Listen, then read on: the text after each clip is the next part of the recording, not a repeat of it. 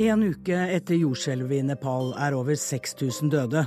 Nå er det viktig å ta vare på de overlevende, særlig de aller minste. Det går greit her i leiren.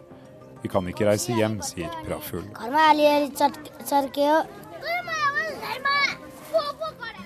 Blant ruiner i Katmandu er det ett hus som står. Der bor Kumari-gudinnen. I Katmandu er Gud åtte år og har en dramatisk eyeliner. I Baltimores bakgater har det vært hett den siste uken. Nå er seks politifolk arrestert, og demonstrantene jubler. Og det er fem dager til parlamentsvalget i Storbritannia. Ikke alle er imponert over politikerne. Dette er Urix på lørdag. Jeg heter Anette Groth. Og blir det kongelig fødsel i Storbritannia i løpet av denne sendingen, ja, da lover jeg at du skal få vite det. Hertuginne Kate er på sykehus, og fødselen er i gang. Men vi starter i Nepal. Det er nøyaktig en uke siden i dag at det store jordskjelvet rammet dette fjellandet. Det er nå registrert over 6700 døde og over dobbelt så mange skadde. Kollega Philip Lote, en rekke redningsteam fra over 20 land leter fremdeles i ruinene. Du var selv til stede da en kvinne som levde ble gravd ut for to dager siden. Men er det nå noen sjanse for å finne flere overlevende? Jeg tror uh, håpet er veldig tynt, og at sjansen for det er ganske små. Men det var de også for to dager siden. Uh, og når alle disse redningsmannskapene har kommet inn, så er det jo det mest fornuftige vi kan gjøre å fortsette å lete. Men jeg har da reist rundt i Sindikalt Shok i dag, som er en uh, tre-fire timers kjøretur utenfor nord for Kathmandu. Uh, det området som regnes som det aller mest uh, hardt rammede.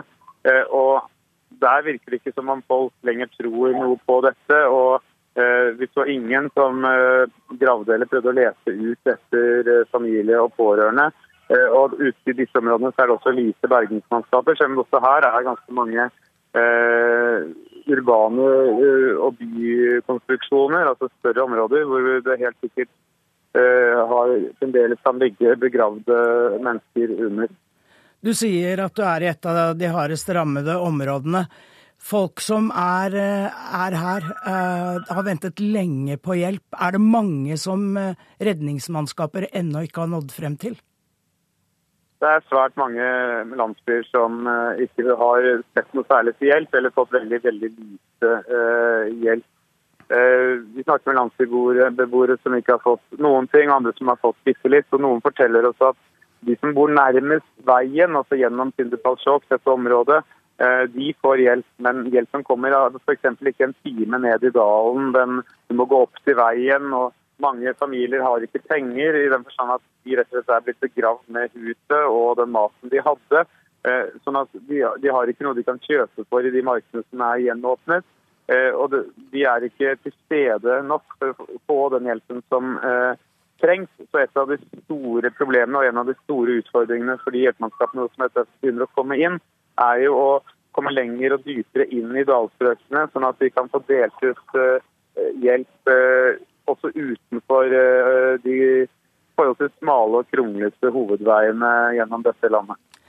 Du har, eh, Philip Lote, også vært i en hardt rammet by, nemlig Nepals gamle hovedstad Bakhtapur. Dette er en by på Unescos kulturarvliste. Men i den akutte humanitære krisen man har, så er det likevel viktigere å verne om de aller yngste enn det er å ta vare på gamle bygg. We are organizing uh, food campaigns like uh, providing uh, milk, biscuits, chocolates to the children. Uh, art competition are organized for the children, uh, dance competition. Uh, Singing. Gita Kanya står sammen med Ambika Tapa og Menu Prepati. De er alle SOS-barn, vokst opp i en SOS-barneby, og gjennom dette fått et liv som ikke virket oppnåelig da de var små. Nå er de unge voksne, og de jobber med å hjelpe andre barn etter jordskjelvet. En av dem er Kirke. Hun sitter ved siden av sin mor og drikker et glass melk som er utdelt, og spiser en sjokoladekjeks. Jeg var hjemme og jeg ble redd, sier Kirki. Ifra siden bryter gutten Praful sin pakar inn i samtalen. Han er litt mer lysten til å snakke. Yes. Husene datt sammen, det var mange sårede. Vårt hus fikk noen skader, en balkong datt ned. Det går greit her i leiren. Vi kan ikke reise hjem, sier Praful.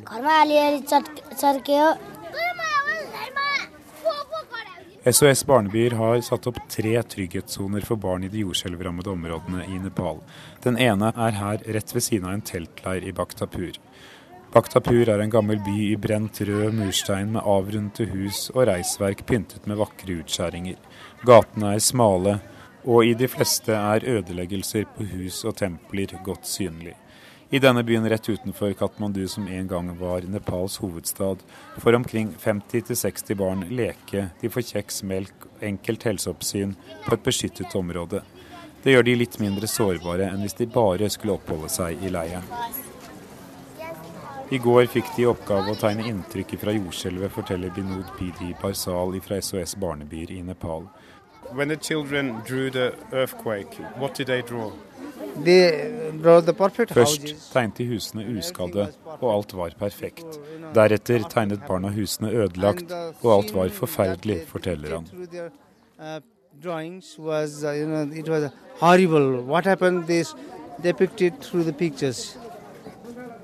Gita og venninnene forteller at selv om barna virker lykkelige når de leker, bærer de ennå på sorg og redsel. Their homes were broken, so they were very uh, scared. Their parents uh, were dead, so they were unhappy. They cried. Seven month uh, ch uh, child also uh, died uh, in earthquake. People cried. They were very scared.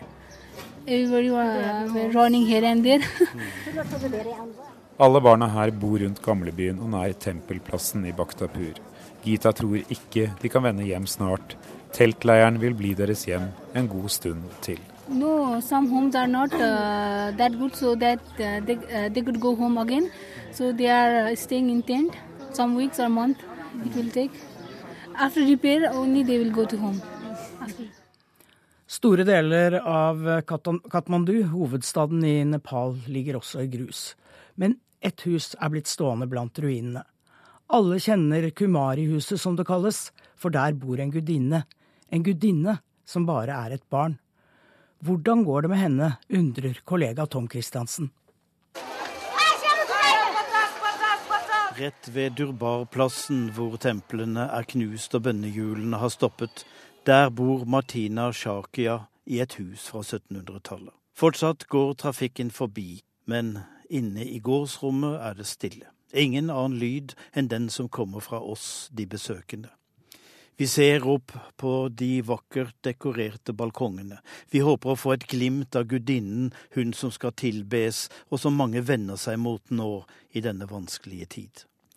I Katmandu er Gud åtte år og har en dramatisk eyeliner. Hun har knallrød leppestift. Den lille munnen males opp hver dag. Kjolen glitrer i gull og rødt, strømpene er gule. Gud bærer hver dag sin krone. Etter en sunn frokost av grønt er hun klar for dagen og kan bæres ned fra tredje etasje.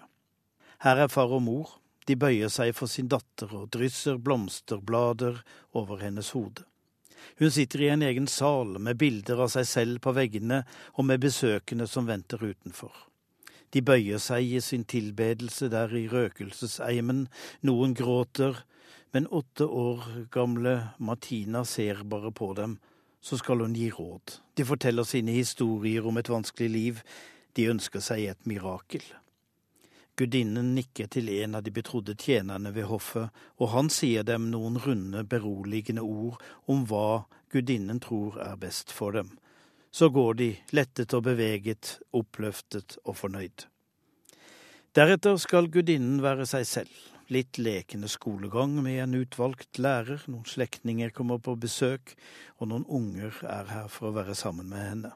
Men det er ikke så enkelt, for de er alle sjenert over å snakke med en gudinne.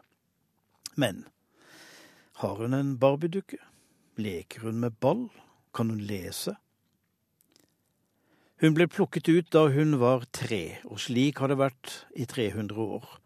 Det går et søk etter den reinkarnerte hindugudinnen Taleyu Deva, og dette skal de ha til tegn, et pikebarn med lytefri kropp. Aldri skal hun ha tapt en bloddråpe eller vært syk, håret må være ravnsvart med en liten naturlig skill mot høyre. Den kommende gudinne skal ha ben som hjorten, nakke som en konkylje, lange øyevipper og en spesiell stemme. Hennes kjønnsorgan skal være lite, Det passer vel på de fleste treåringer.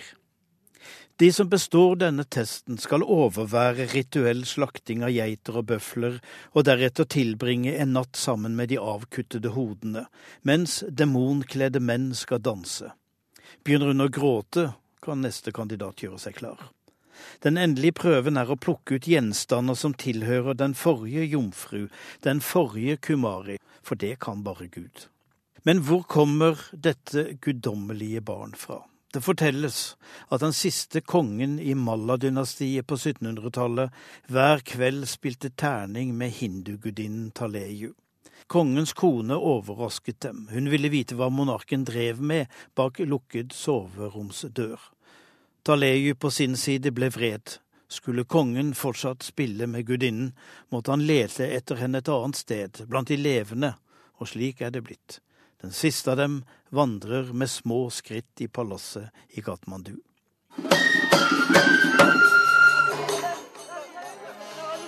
Hun skal aldri røre jorden. Derfor, til den årlige festivalen hvor hun skal vises fram, blir hun båret og plassert i en vogn som trekkes gjennom Katmandus trange gater. Hun føres fram for presidenten, før var det kongen, og Nepals statsoverhode må bøye kne. Deretter velsigner hun de enorme skarer som er kommet for å se henne. Det er en rus, mennene holder seg for brystet, kvinnene sukker, barna er henrykt. Åh, hun er så vakker, med den røde munnen, alt gullet, og så øyensverten at hun får lov. Men hun bestemmer jo selv. Men en dag får hun mensen. Da er det over. Da må hun reise hjem. Det er ikke enkelt å ha vært Gud. Tidligere kumarier forteller at det var et sjokk å bli fortalt av lærere og foreldre hva du skulle gjøre. En av dem skrev en bok om livet etter at gudinneårene tok slutt. Det var vanskelig å leke med andre barn, snakke som et barn, og enda verre, det var vanskelig å gå, hun hadde jo blitt båret hver dag. Sist lørdag satt hun i sin stol, sminket og med rød kjole. De besøkende sto i kø, og hun så på dem. De bøyde seg og så begynte gulvet å bevege seg. Så begynte huset å riste. Så nådde skrikene fra gaten helt inn i kammeret. Skrek Gud da?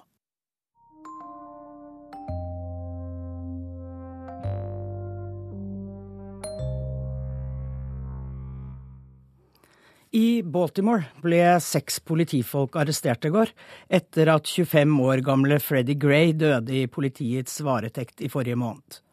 Arrestasjonene førte til jubel i gatene i Baltimore. Bølgen av demonstrasjoner mot det amerikanske politiets behandling av afroamerikanere unnskyld, nådde altså Baltimore denne uken. Ikke så helt uventet, for byen like nord for Washington DC ligger i feil ende av mange statistikker. Korrespondent Tove Bjørgaas har tilbrakt lange netter i Baltimores bakgater.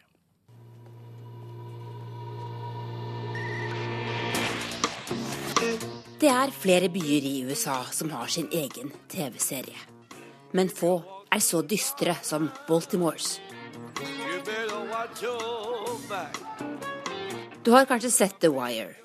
HBO-serien om dagliglivet til narkolangere, ungdomsgjenger og politifolk her.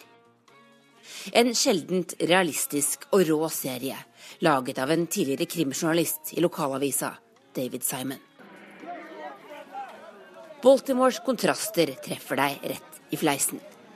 For du trenger bare å bevege deg et par kvartaler før omgivelsene endrer seg radikalt.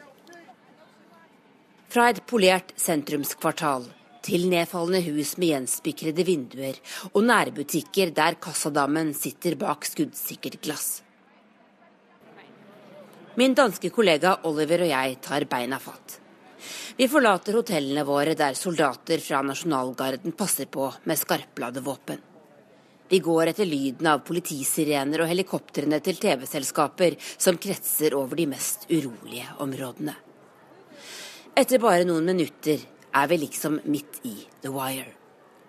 Mørket faller på. I en bakgate sitter mødre med barn og snakker lavt sammen utenfor brune sosialboliger. Her er ingen demonstrasjon. Men midt i veien står en enslig svart mann med hendene over hodet. Foran ham en hvit politibil. See, this is what you get when people are frustrated. You feel me? When you're tired of Baltimore police beating up people, this is what you get. You understand? What we want is change. Y'all ain't gave it to us, so now we're gonna take it. Vi vil ha forandring. Og når de ikke gir oss det, så skal vi ta det, sier mannen. Han er sint. Han er høy, med skjegg, kanskje 20 år. My name, hey, my name is. Don't worry about that. I'm a rebel. Det er ikke så farlig hva jeg heter. Jeg er en rebell, sier han. Han rikker seg ikke, selv om politibilen vil forbi.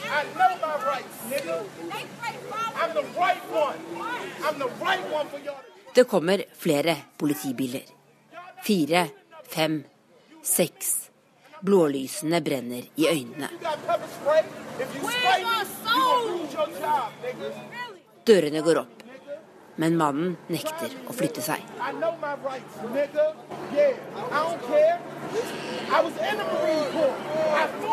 Til slutt tar de tak i ham og dytter ham inn i baksetet på en av bilene. Barna og mødrene på trappa like ved har reist seg. It was not right what they just did. It was not right at all. They shouldn't have locked him up because he wasn't doing anything. He didn't commit a crime. sier Missy Tyler. Hun er sint. Sint på politiet og sint på borgermesteren som har fått i gang denne uroen. Oh. Å være mamma i West Baltimore er en kamp mot statistikkene. Bare 56 av de unge her fullfører videregående. 24% lever under fattigdomsgrensa. Og den forventede levealderen til dem som bor her, er 20 år kortere enn for folk i de trygge forstedene bare en mil unna.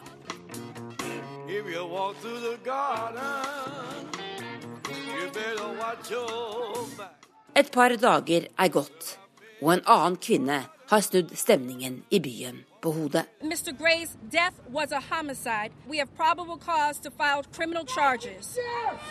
35 år gamle Marilyn Mosby, USAs yngste statsadvokat, har siktet seks politifolk for drap eller medvirkning til drap på Freddie Gray, som brakk nakken og døde i politiets varetekt. Devron Lindsay har demonstrert i flere dager. Nå feirer han forsiktig. I think it's a uh, step in the right direction. I think that it is important. Baltimore uh, is leading the nation in one of the first indictments um, of police when it comes to issues of brutality. Dette er et skritt i riktig retning, selv om vi har langt igjen, sier han.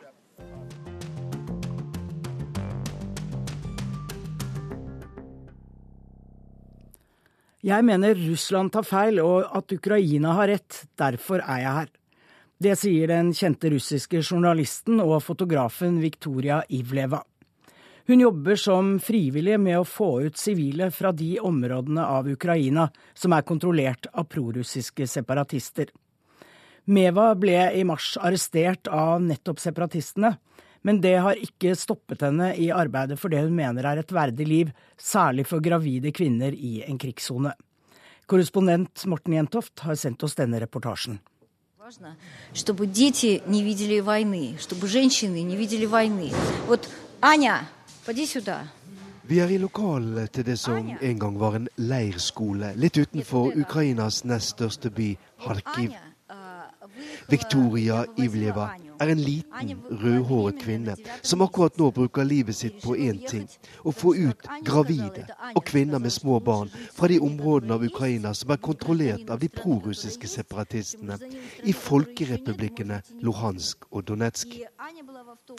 Hun roper Anna Fedakova bort til oss for å fortelle hva som skjedde i midten av mars, da hun dro inn til Luhansk for å få ut en del kvinner og barn, men ble stoppet av separatistene og holdt i forvaring i flere timer.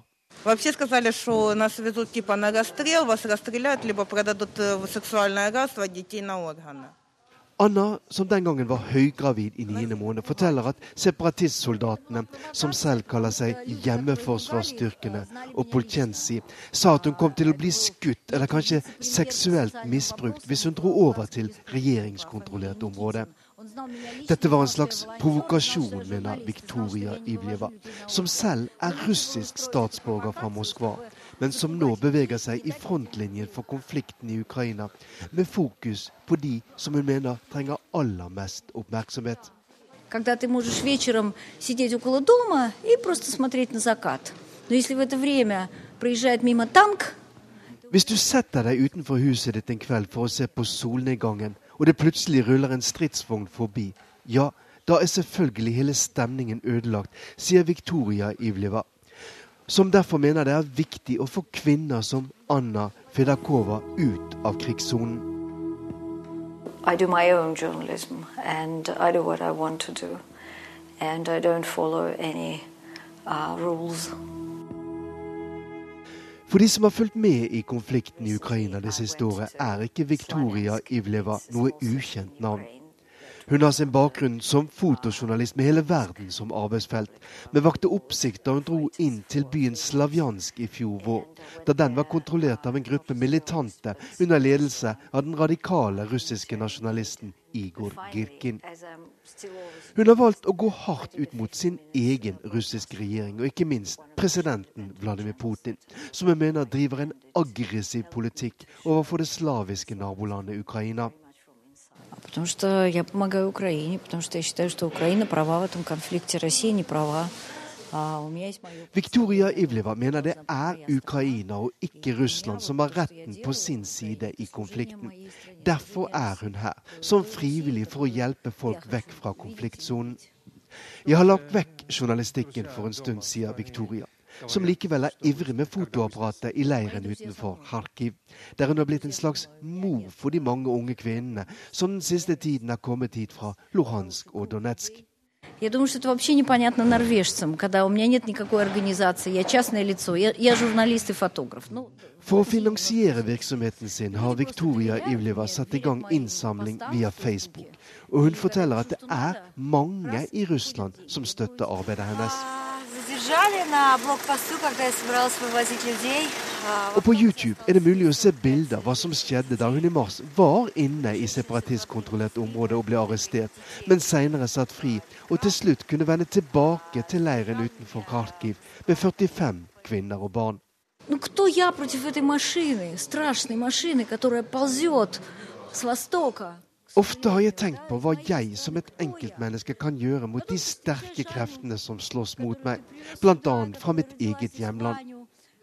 Men så treffer jeg kvinner som Anna, som føder sin sønn Ivan her i frihet.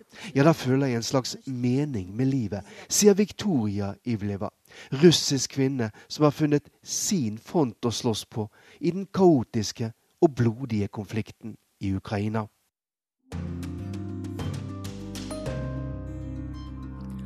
Du hører på Urix på lørdag.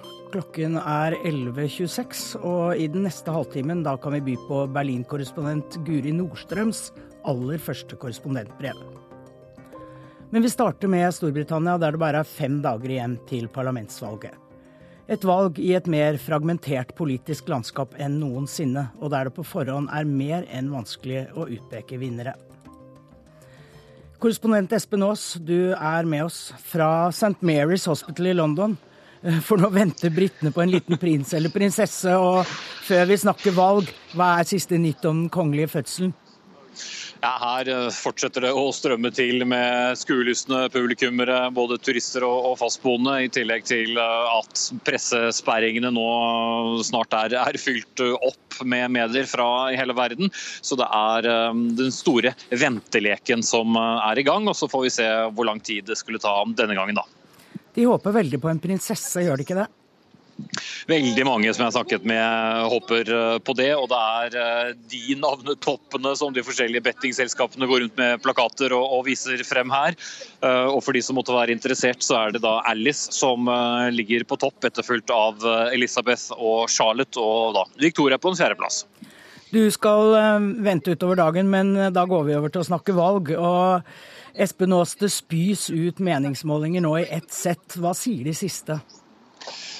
Det er, kommer stadig en uh, meningsmåling som vil vise at uh, Labour kanskje er uh, 1-2 prosentpoeng foran de konservative, før det kommer en måling som viser akkurat motsatt. Hvis vi ser på det som vi kaller poll of polls, altså gjennomsnitt av disse målingene, så ligger de helt jevnt. Du kan nesten tegne en helt rett strek fra mange måneder tilbake og til i dag, hvor de to største partiene har om lag en tredel av stemmene hver seg. Og så er det en, resten av stemmene fordeler seg da på de små partiene. Torsdag kveld så ble lederne for de to regjeringspartiene pluss Labour spurt ut av velgerne på TV. Hva kom ut av den seansen? Det var kanskje den mest eh, spennende seansen av alle seanser gjennom hele dette valget. Her var det jo publikummere, godt forberedte publikummere som grillet de tre eh, partilederne. Eh, og det som nok skapte mest overskrifter etterpå, var Eddie Miliband, Labour-lederens gjentatte garantier om at han skal ikke inngå noen form for koalisjon med de skotske nasjonalistene, og heller ikke inngå noen avtale med de, slik at han kommer inn i Downing Street nummer ti. Han poengterte til og med at det er eh, med da går han heller i, tilbake til opposisjon enn å bli løftet inn i regjeringskontorene av uh, nasjonalistene. Og Det skapte jo eh, en viss oppsikt, selv om han jo likevel kan bli statsminister og få støtte av de i enkeltsaker, noe de konservative fortsetter å presse på med for å skremme engelskmenn fra å stemme på Labour. Fra flere og flere så hører jeg faktisk at dette er en gørr kjedelig valgkamp. Er det det? Den har vært veldig stillestående. Eh, det handler da om partier som kommer med valgløfter på løpende bånd om skatteletter, om bedring av helsevesenet osv. Men i virkeligheten så skjer det ingenting på målingene som følge av det. Det begynte med ganske mange personangrep, og så har det nå eh, gått over eh, til en periode hvor folk virker veldig, veldig lei. og håper at snart denne valgkampen eh, skal gå over. Avisene putter valgstoffet lenger bak. Eh, selv BBC, som vel er de som har dekket dette valget bredest, har nå tonet ned dekningen ganske mye, med unntak da av dagen etter denne partilederutspørringen hvor disse eh, garantiene kom. Jeg får også legge til at David Cameron sa at det er helt uaktuelt for han å inngå noen koalisjon med noen som ikke vil garantere en folkeavstemning om EU e i løpet av denne regjeringsperioden. Takk skal du ha, Espen Aas. Hvis det er kjedelig i valgkampen, så kan kanskje britene da kose seg med den kongelige fødselen, som er rett rundt hjørnet. Men når det gjelder valget, så er spørsmålet hvor mye av det politikerne snakker om som faktisk når frem til velgerne, og om de snakker et språk folk forstår. Gry Blekkastad Almås møtte velgere i valgkretsen Bracknell i Berkshire. They're all like, sometimes I turn the TV on and I think they're like a load of children because they're all like, oh no, we're going to do this, we're going to do that. And you think, put your money where your mouth is for a change. Politikeren er som barn, sier denne kvinnen, rett etter å ha fått uventet besøk på døra av sin representant i det britiske parlamentet.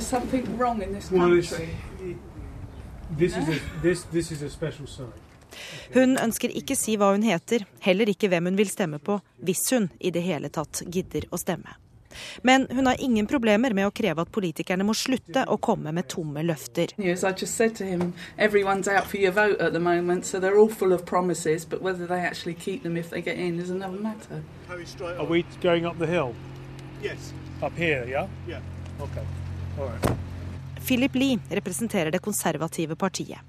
Før valget 7. mai har han oppsøkt 15 000 hjem i sin valgkrets for å møte folk ansikt til ansikt. Og han gir damen han nettopp møtte rett i at det er en tillitskrise mellom velgere og britiske politikere. British politics has, has suffered in recent years from a fundamental breakdown in trust of the people in its political system. And I think part of regaining that trust is getting out there and meeting people and getting them to sort of understand that Mye av valgkampen og britisk politikk de siste årene har handlet om økonomi, om innsparinger og budsjettkutt.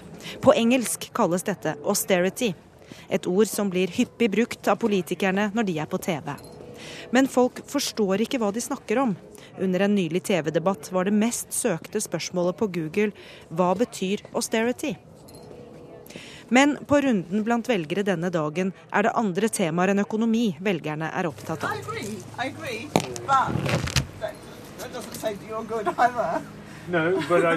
Helen Beasley er opptatt av boligpolitikken, der Philip Lees konservative parti har lovet å gjøre det lettere for folk med dårlig råd å kjøpe sin egen bolig. Det tror Beasley vil føre til færre boliger for de aller fattigste. Well, I, I for housing in Bracknell, no matter what. And the schools are all wrong as well. I mean, God, I could go on for hours. Skolepolitikken er neste diskusjonstema. At all, everybody should. There shouldn't be that. They're state schools, so Yeah. they shouldn't have faith. I mean, the difficulty Uh, there is quite a lot of the church schools actually provide really good education for all children of all faiths. Det blir altså neppe en stemme på det konservative regjeringspartiet fra Helen Beasley. No. Oh God, no, no. Why?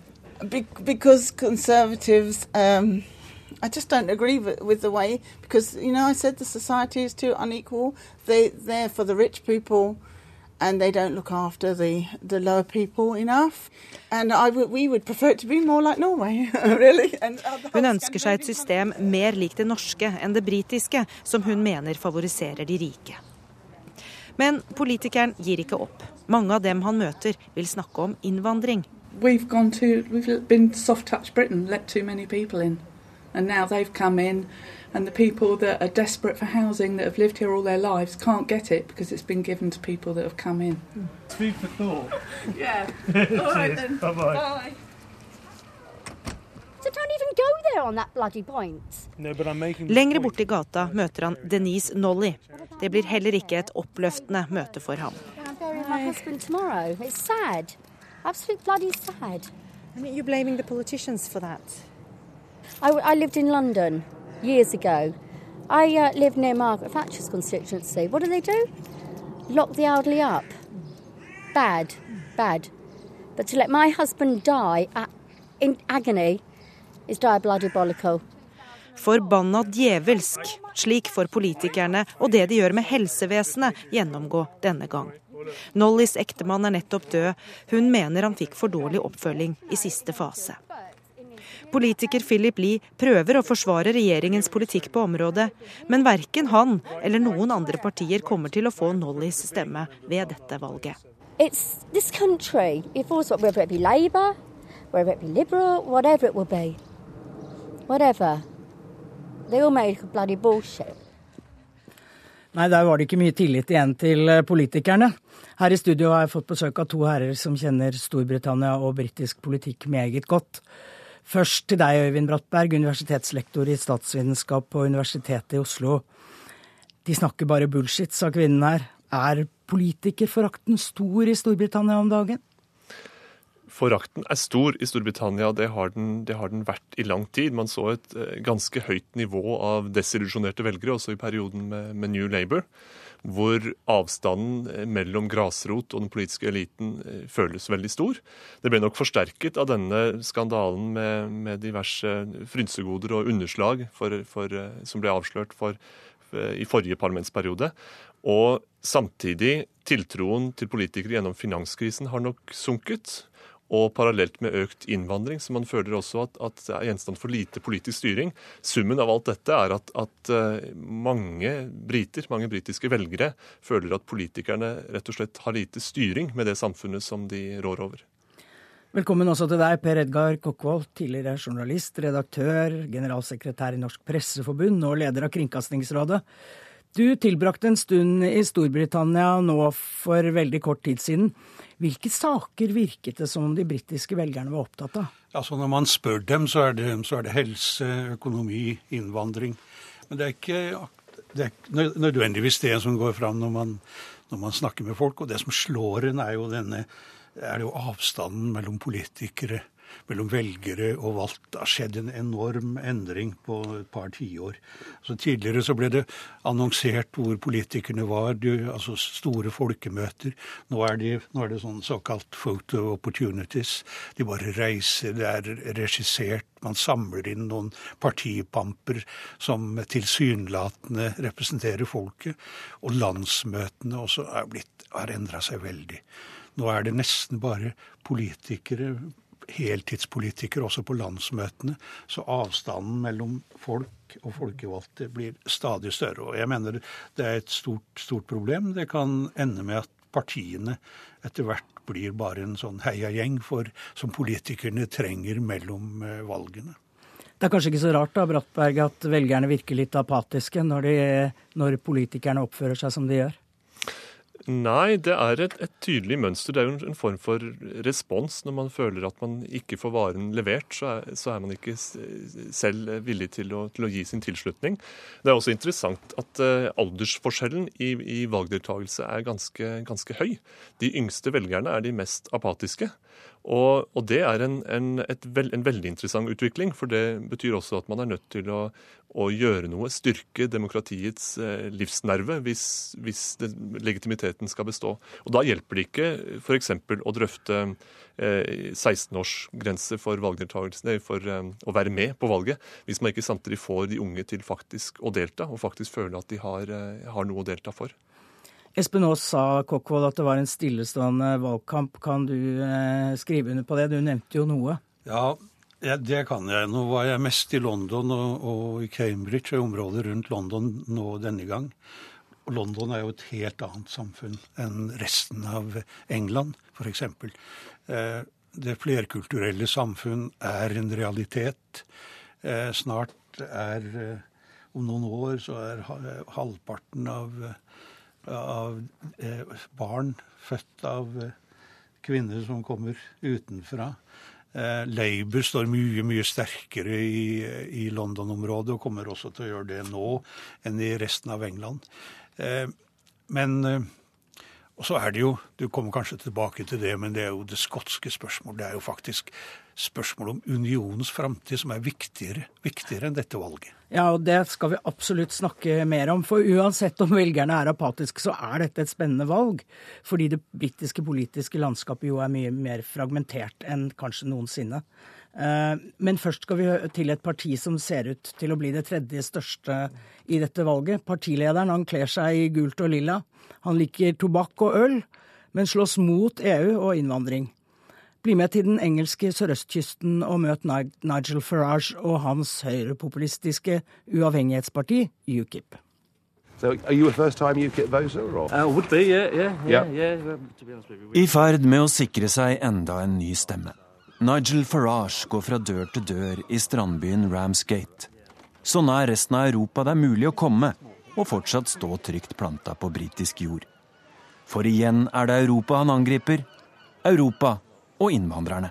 I mean, our view that you know, being part of a political union with Europe yeah. and having lost control of our borders is actually yeah. not good for this country no, and needs to be reversed. Yeah. And that's the point. Yeah, you know? no, no, I agree, yeah. Vi har mista kontroll over grensene våre. Vi er bundet av union med Europa. Det er ikke bra for landet vårt. Det må snu, sier partilederen i gul beige til en småbarnsfar med stemmerett som har latt seg lokke ut på trappa og som langt på vei sier seg enig. Dette er sjette gang Nigel Farage prøver å bli innvalgt til parlamentet. Denne gang fra valgkretsen South Thanet sørøst i England. Her har en cocktail av fordums prakt, økonomisk nedgangstid, EU-skepsis og innvandringsmotstand ført ham nærmere målet enn han noen gang har vært før. På det meste har det britiske uavhengighetspartiet UKIP hatt 11 prosentpoengs ledelse i kampen om parlamentssetet her. Nigel Farage speaks the truth.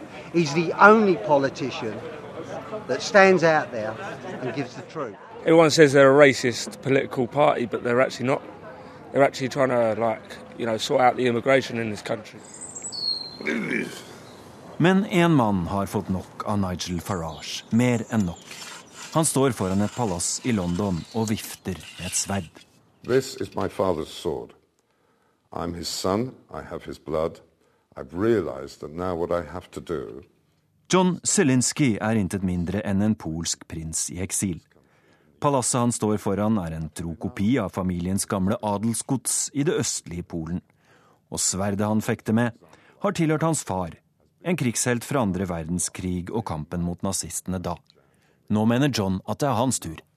So what I'd like to do, Mr. Farage, is to challenge you to a duel, an offer of a duel, if you agree.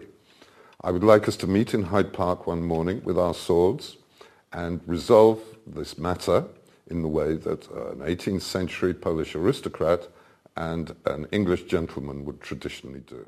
La oss møtes i Hyde Park en morgen og gjøre opp oss imellom, slik en polsk aristokrat og en engelsk gentleman ville gjort det på 1700-tallet, sier prinsen. Først på polsk og siden på engelsk.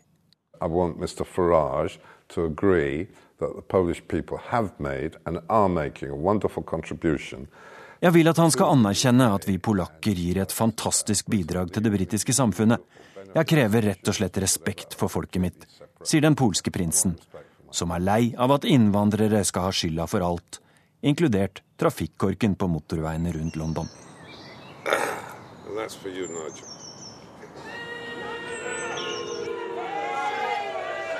Noe sverdslag i Hyde Park blir det neppe. Nigel Farage har en annen kamp å kjempe, der han haster ut av valgkampkontoret i Kent til intens buing fra frammøtte politiske motstandere. Ledelsen hans på meningsmålingene i South Thanet har forsvunnet i løpet av valgkampen. Nå slåss han side om side med en konservativ kandidat og en arbeiderpartikandidat om det ene parlamentssetet som valgordningen gir til den ene kandidaten som får flest stemmer. I'm under no illusions about this South Thanet seat. You know, this is going to be a very big and a very important battle for me, for UKIP. Jeg innbiller meg ikke at dette blir lett. Det er en viktig kamp både for meg og for partiet, som kommer til å forme britisk politikk i åra framover, sier Nigel Farage. Blir han ikke valgt inn, har han sagt at han også vil trekke seg som partileder for partiet, som fikk bare 3% oppslutning ved forrige parlamentsvalg, men som ligger an til å få 13, kanskje 14% denne gangen. Farage may be mm, a bit of a Marmite person, but he does seem to have a common touch. Enten liker du ham, eller så hater du ham. Men det er ikke til å komme fra at han har en bred folkelig appell, sier Nick Hando, som hadde lagt ferien sin midt oppi valgkampinnspurten til Nigel Farage på den engelske sørøstkysten. Sa reporter Tore Moland.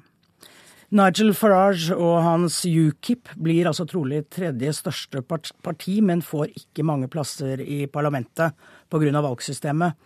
Førstemann i hver av de 650 valgkretsene vinner, og de andre de får ingenting. Vil UKIP eh, Øyvind Brattberg likevel kunne være en maktfaktor etter valget? Jeg tror svaret på det ligger i, i, spørsmålet. Eh, svaret er ja, i den forstand at det er en stor og viktig politisk understrøm. Men svaret er nei når det gjelder parlamentarisk matematikk, fordi de vil ha så få representanter at de er sannsynligvis uten betydning for den regjering som skal dannes etter valget. Et annet parti som kommer til å få mange stemmer, og også mange plasser, det er det skotske nasjonalistpartiet SMP. Hva kan de stelle til, Per Edgar Kokkvold? Ja, De kan stelle til mye. Eh, og det er jo det dette dreier seg om. Dette valget dreier seg faktisk om det. Altså, De konservative er skremt med nasjonalistene. Eh, nasjonalistene selv sier at de vil ha en Labour-regjering, samtidig som de knuser Labour i Skottland, oppfordrer britene til å stemme grønt, eh, waliserne til å stemme Plaid Cymru. Eh, men dette er jo det altså, nå, nå sier jo de konservative at eh, at de skotske eh, nasjonalistene ikke hører hjemme i, par i, parlamentet. Men det er jo som å si også at Skottland ikke hører hjemme i Storbritannia. Så det, dette er veldig ødeleggende. På den annen side så er jeg ikke et øyeblikk i tvil om at eh, nasjonalistene er der for å stelle til mest mulig problemer. Ikke for å støtte en Labour-regjering, men for å lage problemer for unionen, og for, å, for selv å komme seg ut fortest mulig.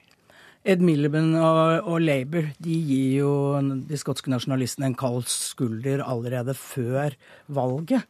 Men er det ikke nettopp uh, skottene som kan sikre Miliband statsministerposten, Eivind Brattberg? I praksis så, så, er det det. I praksis vil det være det, med mindre det skjer et, et tilnærmet mirakel på oppløpssiden som, som, gjør Labour til største parti og liberaldemokratene store nok til å gå sammen med Labour eh, om en flertallsregjering. Det er et tenkelig scenario, men det mest eh, sannsynlige scenario er at Labour vil, vil eh, ta, kunne ta sikte på en ettpartiregjering understøttet av de skotske nasjonalistene, først og fremst. Eh, og det vil de jo ikke gjøre gjennom noen avtale, det har Miliband sagt, fordi fiendskapet er intenst mellom de to partiene. Og der står situasjonen. Så, så låst er situasjonen. Jeg tror jeg har sett på meningsmålingene over den siste uka. De konservative går fram. De i mandater. Labour går noe tilbake. Det mest sannsynlige er at de konservative får flest mandater og langt flere stemmer enn Labour. Men de klarer ikke å stable på bena en, en koalisjon. Labour kan gjøre det. Så tror jeg faktisk at Ed Miliband kan trøste seg med at eh, skotske nasjonalistene ikke kan eh, felle en Labour-regjering. I hvert fall ikke før valget til det skotske parlament neste år. Hvis man snur eh, situasjonen litt på, på, hodet, så er det også mulig å se for seg at eh, David Cameron får, en, en, en så, får, så, mye vind i ryggen på oppløpssiden, litt slik som John Major gjorde i, i 1992, og bringer de konservative tilbake med liberaldemokratenes støtte. Altså at den inneværende regjeringen blir sittende.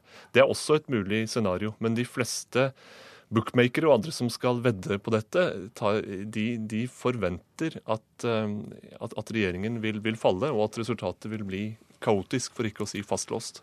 Uansett så blir det uhyre spennende. Kanskje et av de mest spennende valgene på veldig, veldig mange år. Det mest spennende.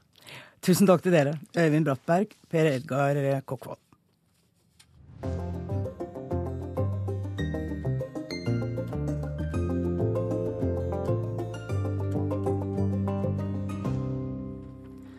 Korrespondentbrevet denne uken er skrevet i Berlin av vår nyansatte korrespondent der, Guri Nordstrøm. Hun har allerede fått merke korrespondentlivets spennvidde der hun havnet midt i en innvandringsdebatt på den ene siden og 70-årsmarkeringen for frigjøringen av konsentrasjonslærerne på den andre. Guri, du har vært speider, ikke sant? Kunne du ha hjulpet meg med å finne retningen mot Mekka? Sånn helt nøyaktig herifra? Det er min tyrkiske vertsmor som spør. Hun står med et nyinnkjøpt bønneteppe i hånden, fornøyd og klar for å be. Året er 1997, og jeg bor hos en tyrkisk familie i en liten landsby i Bayern. Målet med oppholdet er å lære tysk språk og kultur, og på forhånd har utvekslingsbyrået vært svært bekymret for meg. Før avreise har de ringt og beklaget at de ikke har flere tyske familier igjen til å huse utvekslingselever. Men de har altså denne tyrkiske familien som gjerne vil ta imot. De håper det går greit for min del, men forstår det hvis jeg heller vil vente med avreise. Jeg blir sint. Selvfølgelig vil jeg bo hos en tyrkisk familie. Er ikke det også en stor del av Tyskland, da? Det er jo den største innvandringsgruppa i landet. 17 år, veslevoksen og mange år før man har fått seg sin første på trynet, er jeg klar i talen. Dessuten, med ideen om at man må rekke å gjøre alt før man fyller 30 år, tenker jeg at dette er jo to fluer i én smekk. Tyskland og Tyrkia. Da kan jeg jo krysse begge av på lista og løpe videre i livet. Så jeg reiser, og første møte med familien har brent seg fast. Mens de andre utvekslingselevene hilses velkommen med tyske håndtrykk, blir jeg overøst med klemmer, latter og en pakke Turkish Delight. Mor, far og de to døtrene er helt i hundre. Og jeg? Jeg er lykkelig fra første stund. Det er 18 år siden nå, og siden den gang har jeg lest flere statistikker om hvordan tyrkerne er den dårligst integrerte innvandringsgruppen i Tyskland. De lærer ikke språket, omgås kun med hverandre, har ikke kontakt med tyskere har lavt utdanningsnivå, går på sosialhjelp.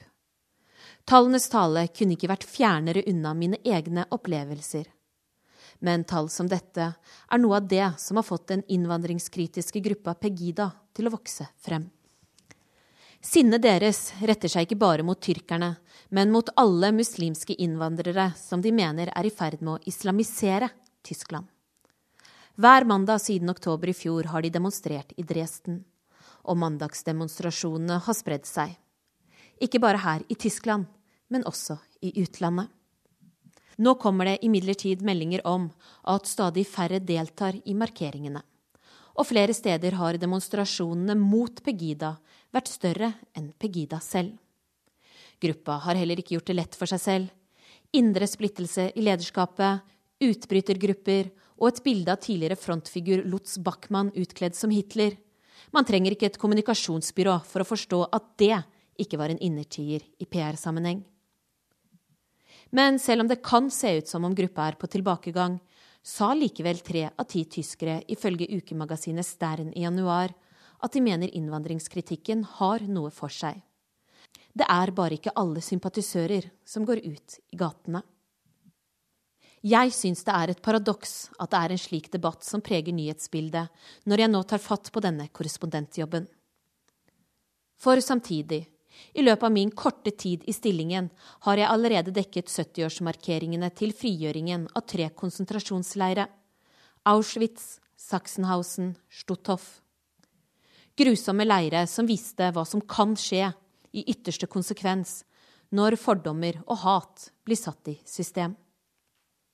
Denne uka er det akkurat 70 år siden naziregimet kapitulerte og andre verdenskrig tok slutt i Europa. Jeg har dekket festtale etter festtale om at dette aldri må skje igjen. Og det har vært sterkt å møte de som overlevde. De fleste nå i 90-årene, og trolig tilbake i marerittsleirene for aller siste gang.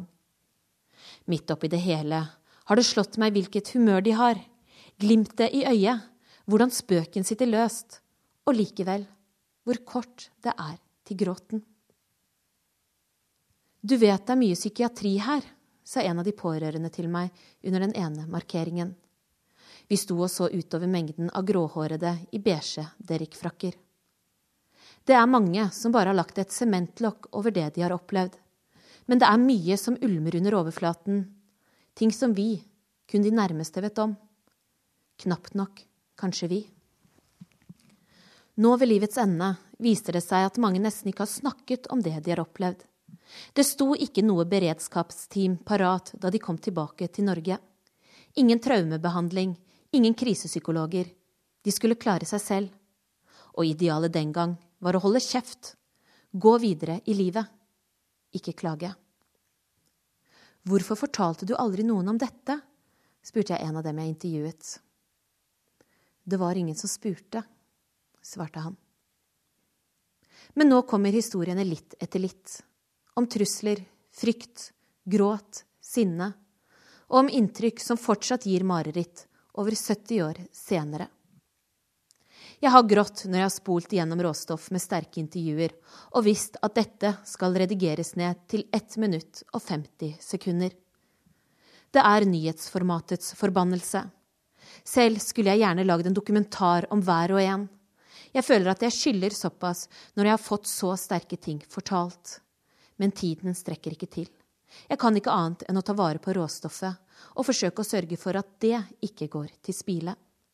Kanskje kan det bli noe i fremtiden. Det har vært et privilegium å få lov til å møte disse menneskene.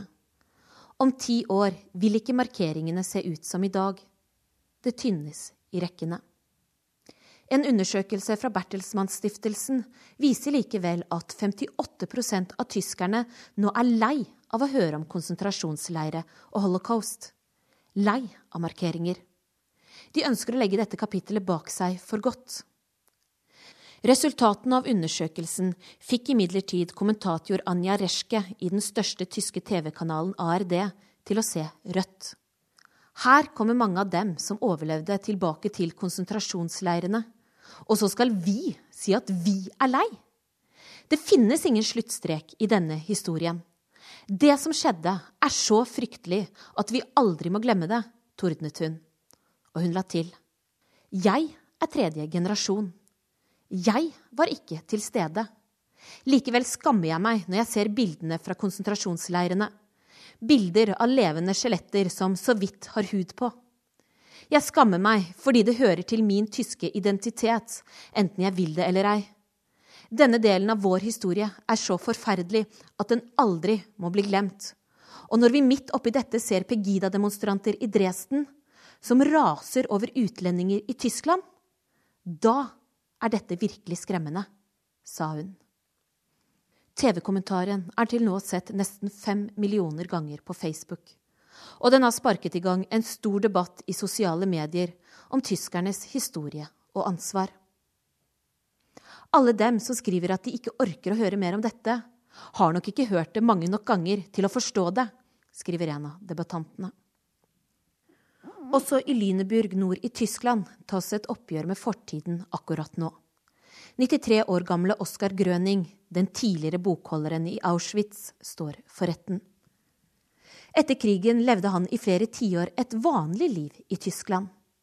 Helt til han en dag kom i diskusjon med en mann i frimerkeklubben han tilhørte. Mannen stilte spørsmål ved om holocaust virkelig hadde funnet sted. Grøning ble rasende. Holocaust fant sted, tordnet han. Jeg var selv med på det. Forrige uke erklærte han seg moralsk skyldig og ba om tilgivelse. Tilbake til min fantastiske tyrkiske familie i Bayern og vertsmoren min på vei til å be. Vi fant den nøyaktige retningen mot Mekka. I bønneteppet, innkjøpt i Tyskland, var det selvfølgelig sydd inn et kompass. Tysk nøyaktighet, norske speiderkunnskaper og tyrkisk humor. Det var en uslåelig kombinasjon. Sa Guri Nordstrøm fra Berlin. Da er Urix på lørdag over. Storbritannia har ennå ikke fått en ny prins eller prinsesse, så vidt jeg vet da. Men uh, fødselen er i gang, så dere som er interesserte får følge med på nett, radio og TV utover dagen. Vi er en trio som står bak denne sendingen. Teknisk ansvarlig Hanne Lunås, skript Dan Robin Midthun Nikolaisen. Jeg heter Anette Groth og minner om Urix på TV mandag til torsdag, NRK2 22.30. Ha det bra.